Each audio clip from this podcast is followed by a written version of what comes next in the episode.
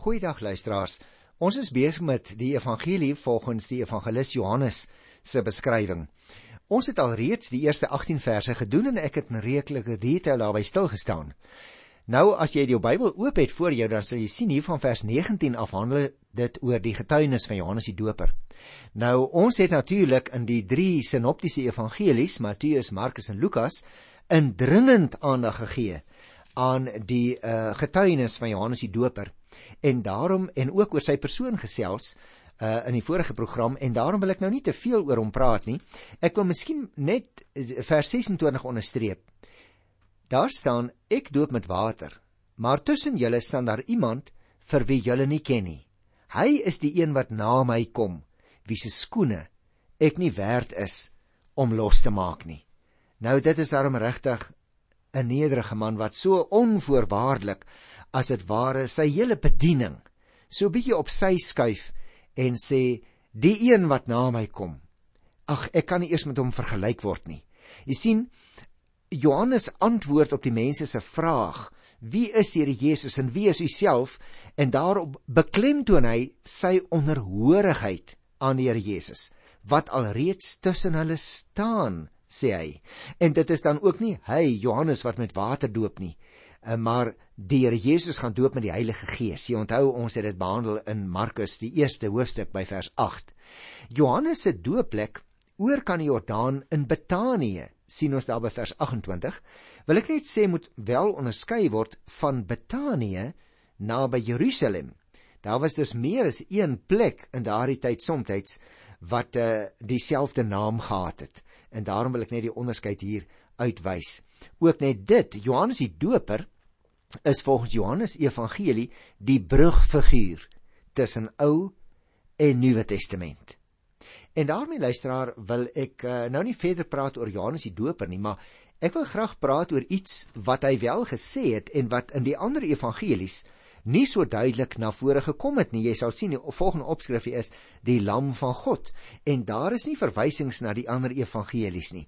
Dit beteken dat dit eintlik net die Johannes evangelie is wat hierdie weergawe vir ons gee. Kom ons begin daarmee.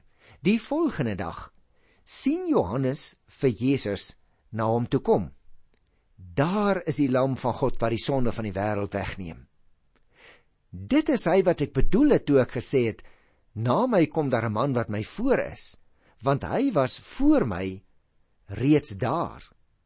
Nou ek wil eers net oor hierdie twee versies gesels luisteraars want dit is verskriklik belangrike versies. Jy sien op die tweede dag van hierdie week het Johannes vir Jesus openlik bekend gestel as die lam van God. Hy sê: "Daar is die lam van God.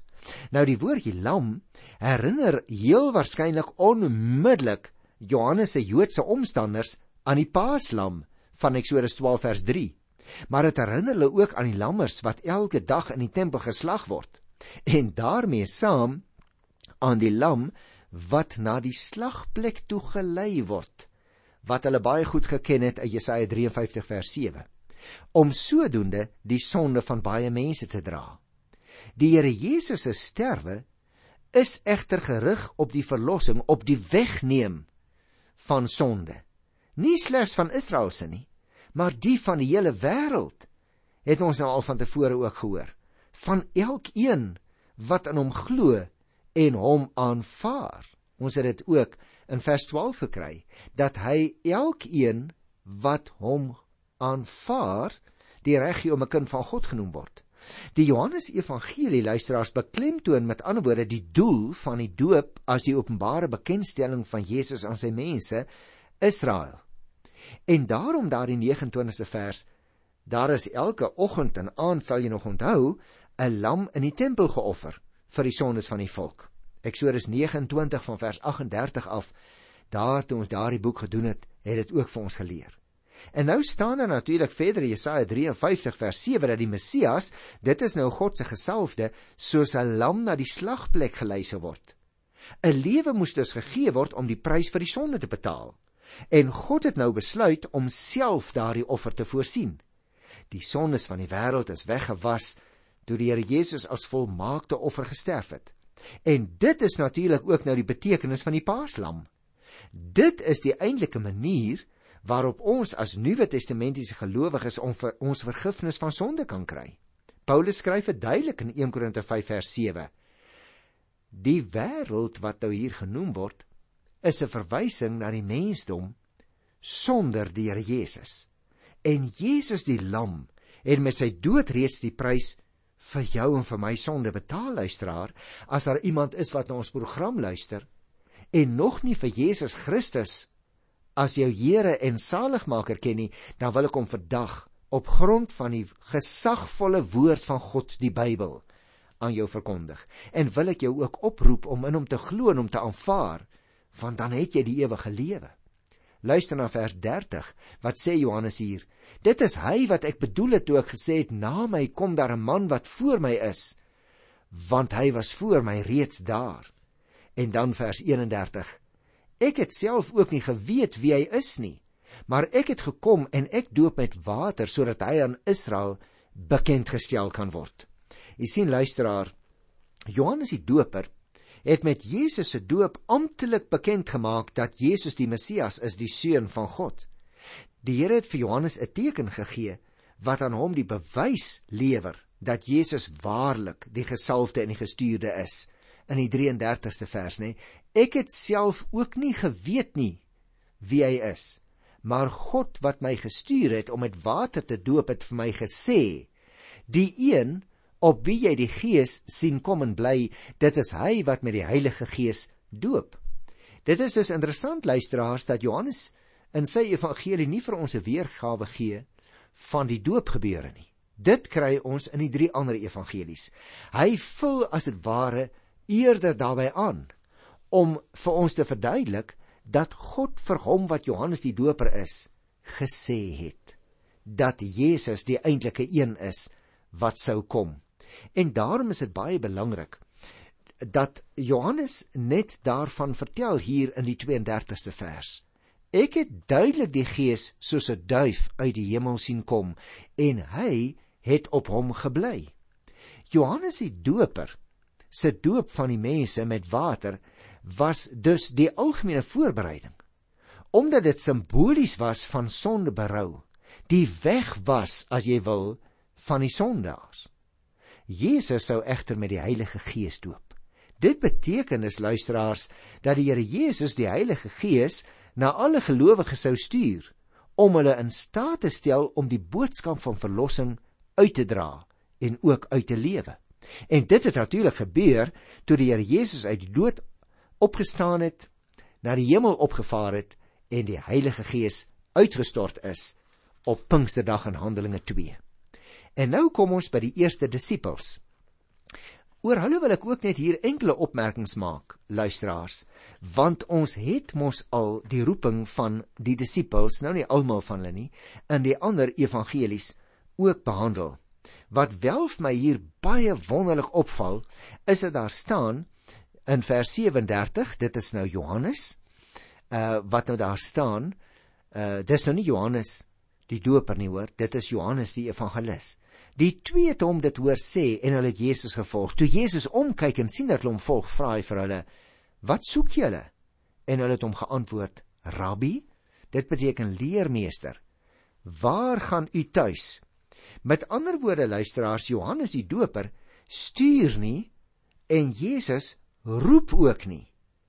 Nee, die twee volg spontaan, soos mense wat ontdek het, gevind het waarvoor Johannes hulle alreeds voorberei het. En daarom sê die 38ste vers vir ons baie interessant dat hulle hom aanspreek as rabbi. Want jy sien, hulle noem hom rabbi toe hy hulle vra, "Wat soek julle?" En hierdie aanspreekvorm, my leermeester, is natuurlik gebruik vir iemand wat onderleg was in die skrifte en ook die skrifte kon uitlê. En luisteraars, daarmee wil ek die roeping van hierdie eerste klompie disippels so bietjie laat en ook die verhaal van Filippus en Nathanael net in 'n kort sinnetjie of 3 opsom, want ek wil eintlik ook nog kom by die bruilof in Kana vandag. Filippus en Nathanael is my 'n wonderlike stukkie evangelie wat ons hier kry. Die volgende dag sê vers 43, het Jesus besluit om na Galilea toe te gaan. Hy kry toe vir Filippus en sê vir hom: "Volg my." Filippus wat van Betsaida afkomstig, dieselfde dorp as Andreas en Petrus. Filippus skryf toe vir Nataneel en sê vir hom: "Ons het hom gekry van wie Moses in die wet en die profete geskryf het en van wie die profete ook geskryf het. Dit is Jesus van Nasaret, die seun van Josef." Nou ek dink dit moes 'n wonderlike dag gewees het, want Jesus is nou op pad na Galilea toe. Dit is 'n noordelike die noordelike provinsie van Palestina. Hy neem die inisiatief en hy roep vir Filippus om ook sy volgelinge te bring. Filippus, dis nakies, is 'n Griekse naam. Later het 'n groep Griekse mense juis deur bemiddeling van Filippus by die Here Jesus uitgekom, maar ons gaan dit in die 12de hoofstuk behandel. Nou vers 45 wat ons gelees het sê toe Filippus skryf vir Nataneel en hy vertel vir hom van Jesus. Tussen hakies Nataneel is moontlik ook die disipel Bartolomeus van die ander evangelies. In die wet, soos ons hier lees, of die onderwysing is alreeds geskryf van iemand wat gaan kom. Gaan lees maar in Deuteronomium 18 vers 15. Met die wet en die profete is nou gewoonlik die hele Ou Testament bedoel. En daarom is hier nou die opmerking: Ons het hom gekry van wie Moses in die wet en die profete geskryf is. En dan kry jy 'n wonderlike verhaal. Nathanael vra Jesus in vers 48: "Waarvandaan ken u my?" Want Jesus maak die opmerking: "Hier is 'n ware Israeliete man en wie daar geen bedrog is nie." En nou, jo, nou nou trek Nathanael sy sy wenkbrauwe so 'n bietjie op, op, né? Hy sê: "Maar waarvandaan ken u my?" Voordat Filippus jou geroep het, antwoord Jesus: "Toe jy nog onder die vyeboom was, het ek jou al gesien. En daarmee luisteraars, beklemtoon Johannes vir ons juis ook die alwetendheid van die Here Jesus. Hy weet sekere dinge omdat hy God is, maar omdat hy ook te gelyk mens is. En dit is vir jou en vir my baie wonderlik. Hy weet alles van jou en van my af. Maar omdat hy mens is, verstaan hy ook soms ons swaar kry. Maar voordat ons klaarmaak met ons program vandag luisteraars, wil ek baie graag bietjie stil staan by die eerste gedeeltjie van Johannes se tweede hoofstuk. Want jy sien, hier kry ons nou die eerste wonderwerk wat Johannes vir ons meedeel. Op die derde dag was daar 'n bruilof in Kana in Galilea en die moeder van Jesus was daar. Jesus en sy disippels is ook na die bruilof toe genooi. Nou dis nou baie interessant as as die evangelis Johannes so met sy evangelie begin. Want jy sien met die tweede hoofstuk het ek by die eerste program al vir jou gesê, by die tweede hoofstuk begin ons met 'n lang gedeelte wat van Hosea 2 vers 1 strek tot 12 vers 50 waardeur Jesus deur verskillende dinge wat hy doen sy heerlikheid in die openbaar bekend maak deur tekens Die Griekse taal kry is ook nie in die evangelie van Johannes die woordjie wonders nie, maar tekens. Hoekom? Want die tekens of soos ons dit kan noem as jy wil, die wondertekens het heen gewys na wie die Here Jesus in werklikheid is. En daarom, as ons nou hier kom by die bruilof van Kana, wil ek eers jou 'n bietjie agtergrond vertel hier by die eerste 2 verse. Ons moet onthou in Here Jesus se tyd het 'n bruilof 'n hele week lank geduur. En baie gaste is natuurlik na die bruilof genooi daar aan die huis van die bruidegom. En hulle het saam met die egpaar soms selfs 'n hele week lank fees gevier. Dit het selfs soms gebeur luisteraars dat die hele dorp na so 'n bruilof genooi is. Want onthou die dorpe was nie baie groot en almal het mekaar geken. Gewoonlik het al die genooides dit bygewoon omdat dit as 'n belediging beskou is om 'n uitnodiging na 'n bruilof toe te weier.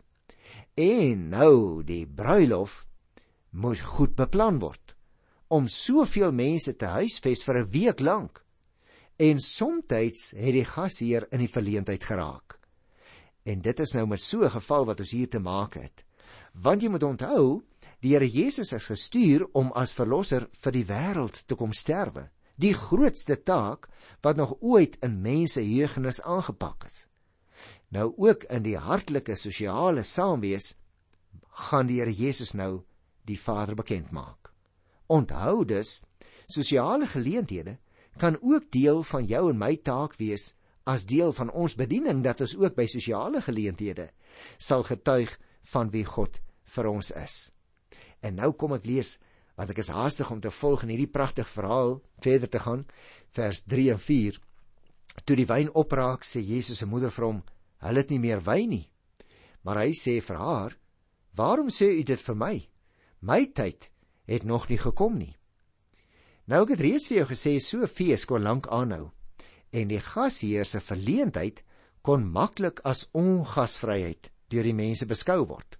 En daarom roep die Here Jesus se moeder Maria nou as dit ware vir hom so 'n bietjie eenkant en sy sê hoorie my seun ek wil net vir jou sê hulle het nie meer wyn nie nou ek kan my voorstel luisteraars Maria dra nog al die jare want op hierdie stadium is die Here Jesus ongeveer 30 jaar oud sy dra nog al die jare die belofte van die engel dat die Here Jesus iemand besonders was En nou, nou dink sy het haar oomblik van glorie wil ek amper sê ook so bietjie aangebreek. Maar hy sê vir haar: "Waarom sê jy dit vir my? My tyd het nog nie gekom nie." Jy moet oplet luisteraar, Maria het waarskynlik nie vir Jesus gevra om 'n wonderwerk te doen nie, maar om die gasheer te help om wyn in die hande te kry en so die verleentheid wat hy nou het op te los. Dis natuurlik nie maklik om Jesus se antwoord op haar versoek te verstaan nie my tyd het nog nie gekom nie.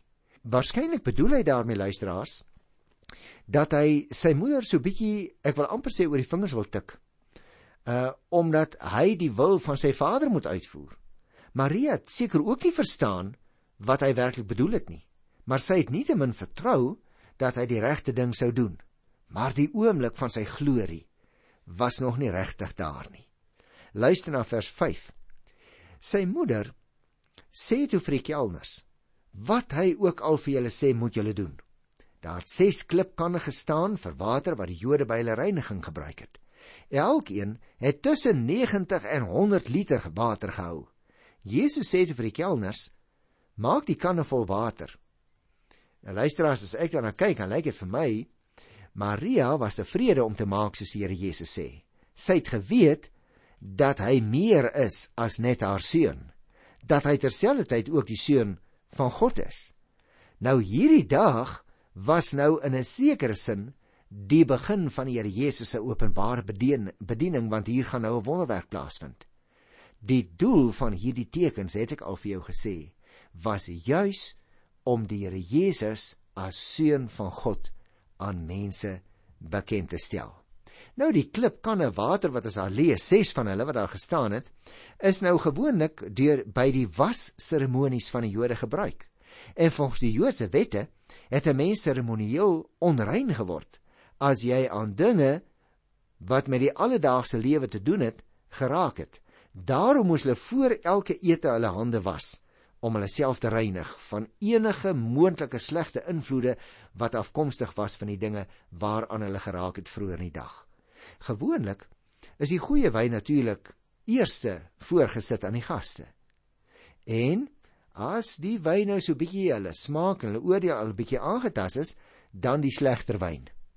En nou maak hierdie mense onwetend van die wonderwerk wat gaan plaasvind, hierdie klipkanne tot bo toe vol. Toe sê Jesus vir hulle staan daar in die 8ste vers. Skep nou daarvan uit en gaan gee dit vir die seremoniemeester. Hulle het dit gedoen. Die seremoniemeester het nie geweet waarvandaan dit kom nie, maar die kelners wat die water uitgeskep het, het geweet. Toe die seremoniemeester die water proe wat wyn geword het, roep hy die bruidegom en sê vir hom: "’n Mens het gewoonlik eers die goeie wyn voor. En as die mense goed gedrink het, die van swakker gehalte. Maar jy het die goeie wyn tot nou toe terughou." Nou, luisteraars, die kelners het die water gevat, hulle gaan gee dit vir die seremoniemeester om self te proe. Die seremoniemeester proe egter dadelik die hoogstaande gehalte van hierdie wyn. Ek wil amper sê hierdie noodwyn wat hy nou ontvang. Want jy sien, selfs die lugtige kelners wat weet hoe daardie water in die kanne gekom het, was seker verbaas oor sy reaksie. Die seremoniemeester sê dit toe vir die bruidegom: wat weer verantwoordelik was vir die wynvoorsiening. En volgens die gebruik moes daardie wyn nou al lankal voorgesit gewees het. En daarom kan 'n mens broers en susters lyk dit vir my hier uit 'n baie belangrike afleiding maak wat ons nie maklik moet vergeet nie. Ons weet nie wat se wyn die Here Jesus gemaak het nie.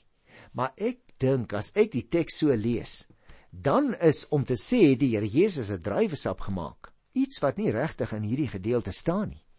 Want die implikasie, hoekom het jy nou die goeie wyn tot nou toe bewaar. 'n Mens sit mos eers die goeie wyn voor en as die mense goed gedrink het, dan die slegte wyn.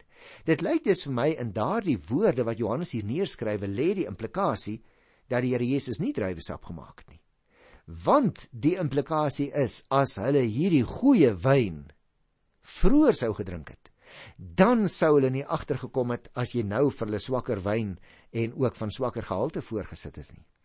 Daarom luisteraars, lyk dit vir my dat die Here Jesus wyn gemaak het wat tog 'n bepaalde uitwerking op die drinkers daarvan sou kon hê. En vir myself wil dit so 'n bietjie waarsku. Wil my waarsku luisteraars dat jy en ek versigtig moet wees om selfs vromer as die Bybel te wil wees. Per slot van sake moet jy onthou, Here Jesus het twee sakramente ook ingestel met wyn en een daarvan was die nagmaal En hier kry ons die wonderteken wat hy doen. Maar nou interessant en baie belangrik en daarmee wil ek afsluit. Hier in vers 12 staan geskrywe: Hierna het hy, sy moeder, sy broers en sy disippels na Kapernaum toe gegaan, maar hulle het nie baie lank daar gebly nie. Nou hulle het nie baie lank daar gebly nie. Dit is nou miskien ook van belang Maar die 11de vers dink ek is in 'n sekere sin die kern. Hierdie eerste wonderteken het Jesus in Kana in Galilea gedoen. Hy het daardeur sy heerlikheid laat blyk en sy disippels het tot geloof in hom gekom. So jy en ek moet versigtig wees om uh, te wil redeneer, eindeloos te redeneer, was dit nou Valjapie of was dit Richelieu, was dit alkoholiese drank of was dit druiwesap? Die paragraaf word afgesluit deur die gebeurtenis te beskryf as die eerste wonderteken. En die doel daarmee word duidelik gesê om Jesus se goddelike gesag te laat blyk en die effek daarvan om die disippels se geloof in hom te bevestig. Dis nagies luisteraars die woordjie wonderteken is eintlik 'n sleutelwoord in die evangelie van Johannes. En wanneer die wondergebeurtenisse nou plaasvind, dan sien jy en ek ook in hierdie verhaal met die geloofsoog die teenwoordigheid van God en sy mag in die optrede van die Here Jesus. En dan word die goddelike aard van sy messiaanse koms gedemonstreer, ook aan daardie mense wat die bruilofsfees bygewoon het en wat gesien het waartoe hy in staat was. En as ons dan lees aan die einde van die verhaal dat sy moeder en sy broers, sy disippels Kapernaum toe gegaan het, maar hulle het nie lank daar gebly nie, dan het daar skynbaar 'n paar dae in Kapernaum aan die see van Galilea vertoef en moontlik later die tuisdorp van Jesus se familie geword. Volgens ander evangelies weer het die grootste deel van Jesus se bediening in die omgewing van Galilea en veral by Kapernaum afgespeel terwyl Johannes dit hoofsaaklik laat sentreer het in sy weergawe rond rondom en in Jerusalem. Jesus se broers is die jonger kinders van Josef en Maria na sy eie geboorte. En daarmee kom ons aan die einde van hierdie mooi verhaal, die bruilof in Kana, wat 'n baie duidelike bedoeling gehad het, naamlik wie Jesus Christus werklik is. Hy het daardeur sy heerlikheid laat blyk, sê die 11de vers. En wat is die reaksie van mense? En sy disippels het tot geloof in hom gekom. Hulle het hierdie man vir wie op hierdie stadium miskien nog net beskou het as 'n wonderlike profeet, nou raak gesien vir wie hy werklik is en daarom het hulle tot geloof in hom gekom. Broer en suster, jy wat dalk die evangelie al dikwels gehoor het, maar ook jy luisteraar wat vir die eerste keer hoor, die Bybel wys duidelik hierheen. Jesus Christus is God self. Wil jy nie in hom glo nie? Wil jy nie vir hom met jou hele lewe dien van vandag af nie? Ek groet jou dan in die wonderlike wonderlike naam van Jesus Christus, die Here. Tot volgende keer. Totsiens.